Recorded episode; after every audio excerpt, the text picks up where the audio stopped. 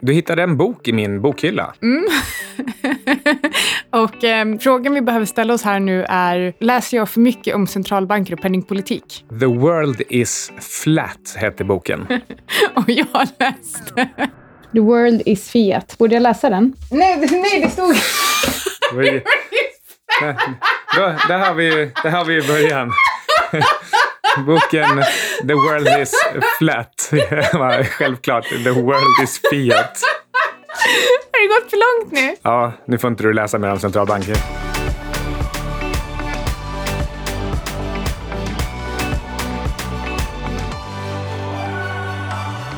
Du lyssnar alltså på Outsiders i en annan del av Köping med Anna Svan och Micke Syding. Stämmer. Och Alexander Marton som faktiskt klipper det här avsnittet. Innan vi kör igång så skulle vi vilja tacka veckans sponsor Fontobel. Yes, och eh, eftersom att vi, eller framförallt jag då kanske, är ganska skeptiska mot dagens penningpolitik och centralbanker så passar det väl bra att istället prata om de produkter som Fontobel har som låter dig exponera dig mot centralbanker. Men vi kommer in på det lite senare. Så i förra avsnittet så pratade vi om central, centralbankernas historia och hur de genom QE, alltså quantitative easing eller kvantitativa lättnader, som är en försvenskad översättning som inte är helt korrekt, menar att de försöker minska systemrisk i banksystemet. Så vi tänkte att vi fortsätter på det här spåret idag. Och det ska vi göra genom att snacka om bail-in och bail-out, som är två sätt att hantera bankkriser. Mm -hmm. Jag trodde att vi skulle prata om Baileys, så jag har förberett lite om det. ah, Okej, okay. så, du, så du, har, du har förberett dem till Baileys kuriosa för att på något sätt liksom överträffa min kuriosa briljans förra veckan? Round two. Året var alltså 1974 när Baileys introducerades. Och det är alltså lite efter att jag själv föddes. Så jag är äldre än Baileys. På den tiden så kunde jag inte dricka så mycket av utan jag fick bara nattendroppar för att hålla mig lugn. Och ja, det här namnet. Det undrar ju alla förstås var det kommer ifrån. Ingen bryr sig. Och det är från en restaurangägare som inte ens hette Baileys. Utan eh, hans restaurang hette Baileys, men inte han. Och signaturen, den kommer från ett hotell i London, ett av de allra första. Det var riktigt mycket meningsfull, meningslös, meningslös mm, och, och, och så känner jag en kille som heter Bailey också. Och vi har investerat tillsammans i en fintech-startup. Så, um, Moral hazard-företag ja. står det Ja, det är väl alla fintech. Okej. Okay. Ja, nej men eh, då, då går vi vidare. från, från alkohol, alkoholkuriosa och eh, vänskapsberättelser och moral hazard-företag.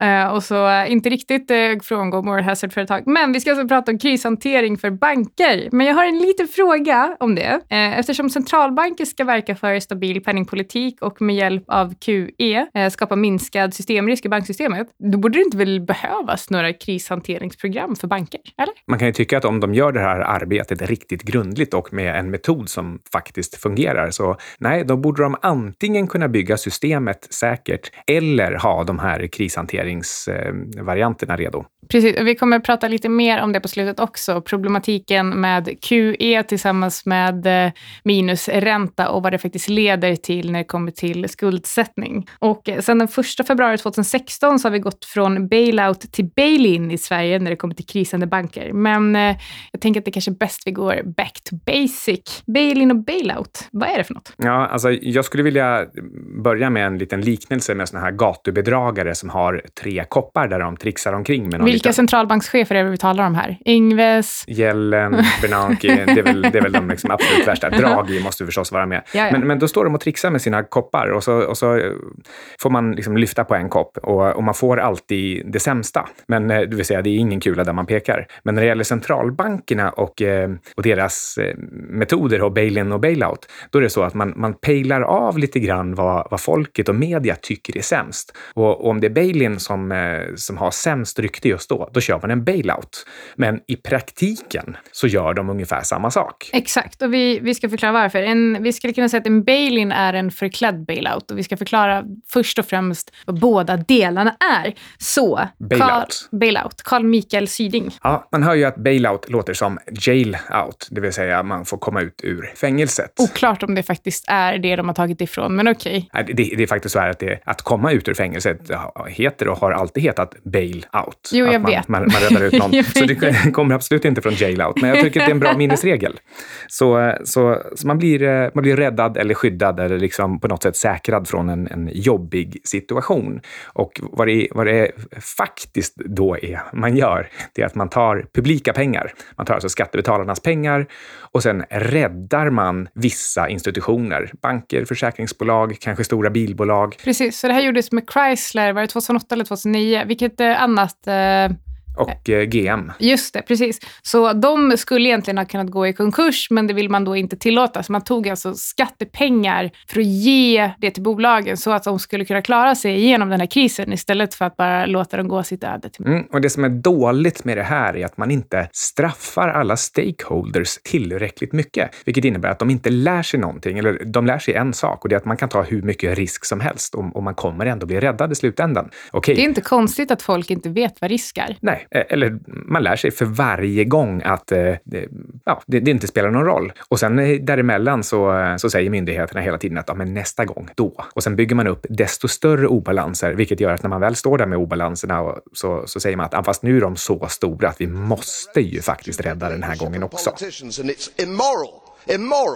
To ask ordinary taxpayers of any country to pick up the tab for failed politicians and failed banks. They are defaulted They're broke. For God's sake, let's all of us admit it. Precis, men eh, folk tröttnar på det här så till slut så tyckte folk att bailout var väl kanske inte en superbra idé. Så då har man löst det med någonting som heter bail-in som eh, på pappret ser ut som att det är aktieägarna som tar risken, eller hur? Ja, eller alla stakeholders egentligen. Ja, lite oväntat och lite okänt kanske, det är att man som eh, kontoägare eller obligationsägare faktiskt kan ta smällen smällen eh, lika snabbt eller till och med ibland innan aktieägarna. Ja, till exempel ponera att du, eh, du inte aktieäger en bank men du har massa pengar på banken och de skulle behöva genomgå en sån här bail-in. Vad händer? Då, då får man en så kallad, eh, antingen en haircut, eh, några procent av ens insättning försvinner, eh, eller att alltihop dras in. Och det kan bero lite grann på,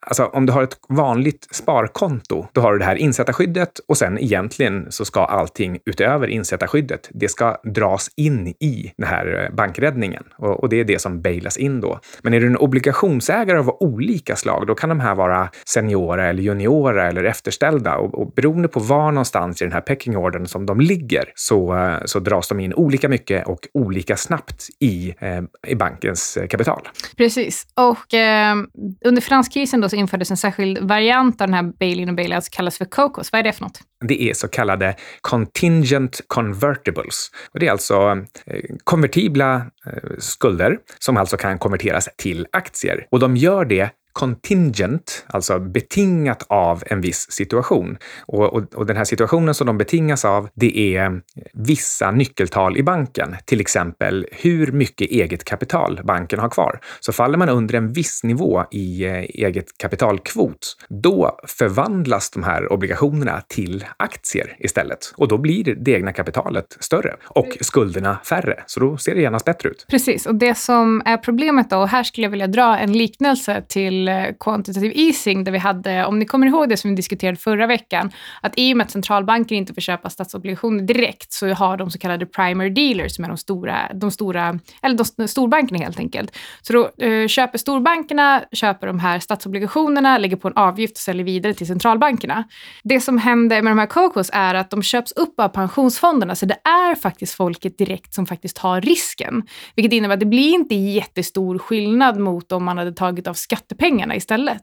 Så det som, det som sker är att man kan, kalla, man kan säga att ah, nej, nej, nej, det här är inte en bail-up, vi har inte tagit av skattepengarna. Men det som man egentligen har gjort att man, är att man har räddat de här institutionerna, de här bankerna, de här bolagen med människors pensionspengar.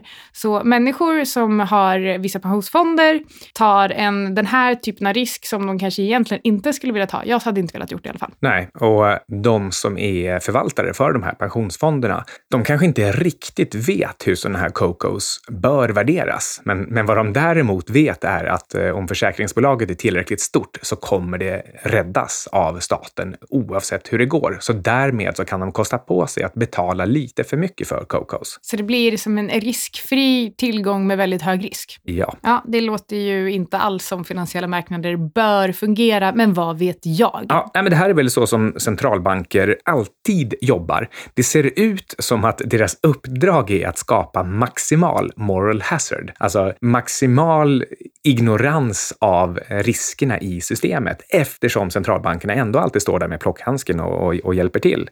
Eh, och, och, det här gör centralbankerna för att de har bestämt sig för att alltid bara fokusera på nuet och på att fixa kriser som redan är igång istället för att hindra kriserna genom eh, systematiskt preventivt arbete i förväg. Jag tror att det beror, kan bero på två olika saker. Mm. Antingen är de superinkompetenta och går på gammal data, eller så är de superinkompetenta och går på gammal data. ja, det här kan man ju läsa om i, i Feds app av DiMartino Booth. Att eh, exakt så är det i alla fall på Fed. Men i Sverige så har jag vi tror att de kan vara lata också kanske. Men, jo, men det jag skulle säga var att eh, jag tror kanske inte att du eh, jobbar på Riksbanken eller Fed eller sådär för att du har pluggat nationalekonomi eller finans eller någonting och bara säga yes, jag vill så gärna jobba i finansbranschen. Det blev Riksbanken. Alltså, jag, jag tror inte riktigt det. Så jag tror att det är precis som med andra politiker, att det kanske är en karriärbana man väljer för att man inte kom in någon annanstans. Och då hamnar liksom det, jag vet inte vad man ska, bottenskrapet kanske? Nej, oklart. Okej, det var orättvist av mig. De är jätteduktiga. Ingves eh, har jag, jag säkert tror, läst massa eh, böcker. Jag tror att de, eh, de inte alls egentligen de är inte inkompetenta, dåliga. utan eh, de har ett annat intresseområde. De gillar att forska på den här data. De gillar att leka med statistik och, och få fram samband. Och då är det jätteintressant att göra konstiga saker. Ja, och man vill hitta samband och så vill man fatta beslut på grund av dem och så vill man presentera hur väl allting hänger ihop och känna sig lite smart inför varandra. Det... Och det är också därför då som man bara, om eh, hushållens räntekostnader stiger så kan man sänka räntan för att se ut som att vi når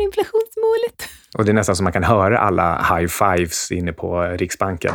De bara jävlar vad smart. Ja, nej men exakt. Så det är ju ja, problematiskt. Men för Fjällen, vad sa hon? hon har sagt att det är bättre att satsa på rejäla booms, så kompenserar de för de bast som inträffar däremellan. Precis, om vi bara sänker räntan så mycket vi bara kan, så vi bara superstimulerar ekonomin, så får vi en rejäl uppgång. Så är vi skitsamma sen om börsen faller 90 procent. Vet du vad det där låter som? Det där låter som när folk eh, klagar på blankare och tror att blankare kan trycka ner en kurs längre ner med försäljningar än de sen lyfter den när de köper tillbaka sina blankningar. Gällen säger samma sak fast på uppsidan. Vi kan trycka upp ekonomin snabbare med våra stimulanser än vad den sen faller ner när eh, dominobrickorna eh, trippar omkull varandra. Och eh, Greenspan sa att eh, man kan aldrig se en bubbla, så det är bättre att vara redo när kraschen kommer. Vad betyder ens det? Vadå vara redo när kraschen kommer? Vi har ju aldrig varit redo när kraschen kommer. Jag minns år 1792 när panikkraschen kom. Det fann mig ingen som var redo då. Och det som hände då, det var, och jag menar vi har ju lärt oss så himla mycket på de här några hundra åren.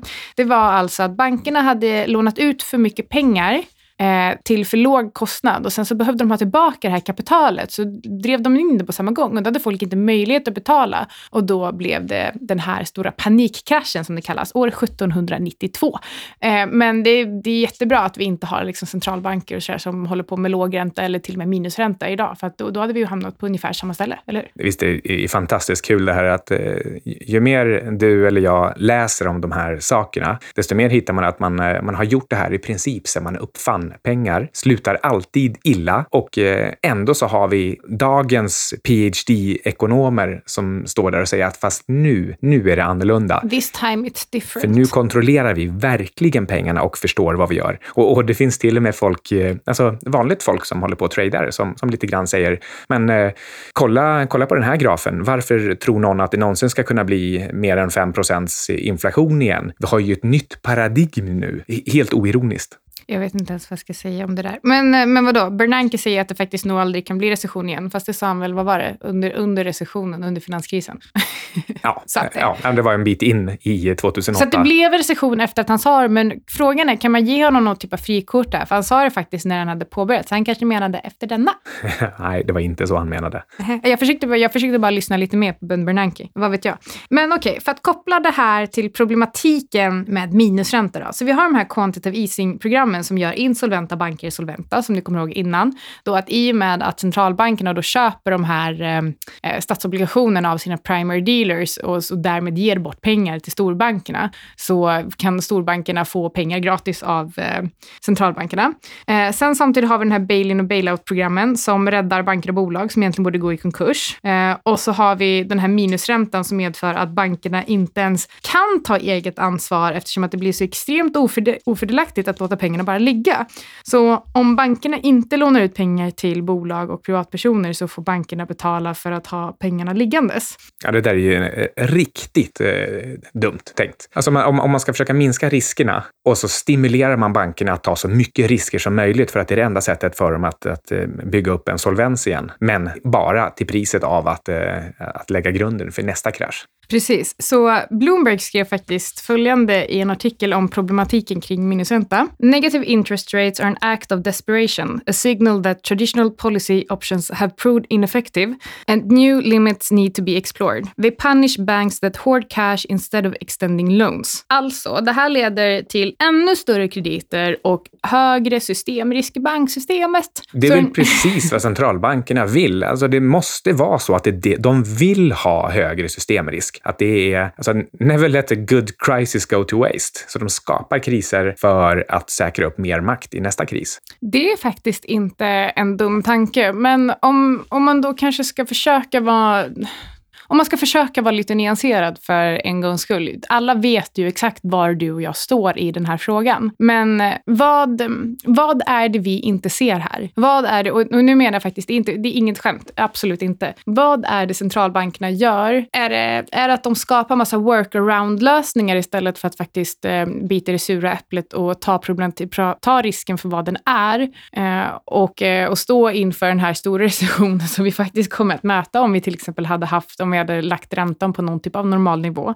Eller beror det på något annat? Jag tror att de tror att deras modeller fungerar. Jag har själv kunnat fångas i den här fällan av att man sitter med sitt spreadsheet och, och manipulerar siffror och optimerar hit och dit. Och på något sätt så tror man till slut att det, de här siffrorna som står där är sanningen. Så jag tror att de helt ärligt försöker hjälpa ekonomin genom att dra lite här och trycka lite där. Och samtidigt inte ta för mycket personlig karriärrisk kanske? Ja, Ja, det, det också. Men, men alltså, jag, jag tror helt och fullt på allvar att, ehm, att de tror att de gör rätt saker, även om det utifrån sett är helt uppenbart att de inte gör det och att det inte fungerar.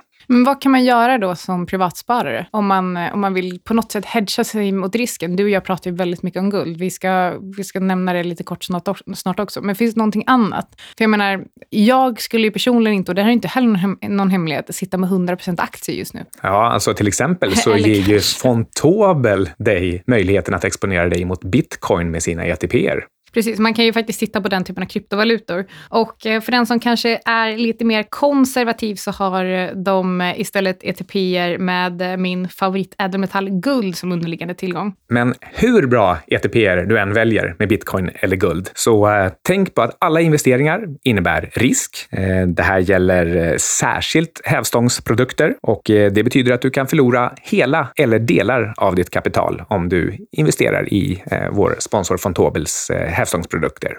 Och eh, ingenting som vi har sagt i det här programmet ska ses som någon typ av rekommendation att köpa eller sälja några som helst finansiella instrument. Och eh, alla av den här typen av produkter kan gå både upp och ner, så var försiktig. Så, är jag färdig med min centralbanksrent nu? Ja, det får vi väl nästan hoppas. Två avsnitt får räcka. Ja, eh, i alla fall två avsnitt på raken. Jag tror att det här kanske till och med är det tredje avsnittet där vi berör det här, det här temat på raken. Men, så jag lovar att vi kan prata om något annat nästa vecka. Jag kan inte lova att det blir lika roligt eller att jag är lika engagerad. Men vi kan prata om mig, ja, vi får se vad vi pratar om nästa Stort vecka. Stort publikvrålåshus på det. Wow! Ja, tack så mycket för den här veckan. Du har lyssnat på Outsiders. med Syding och så.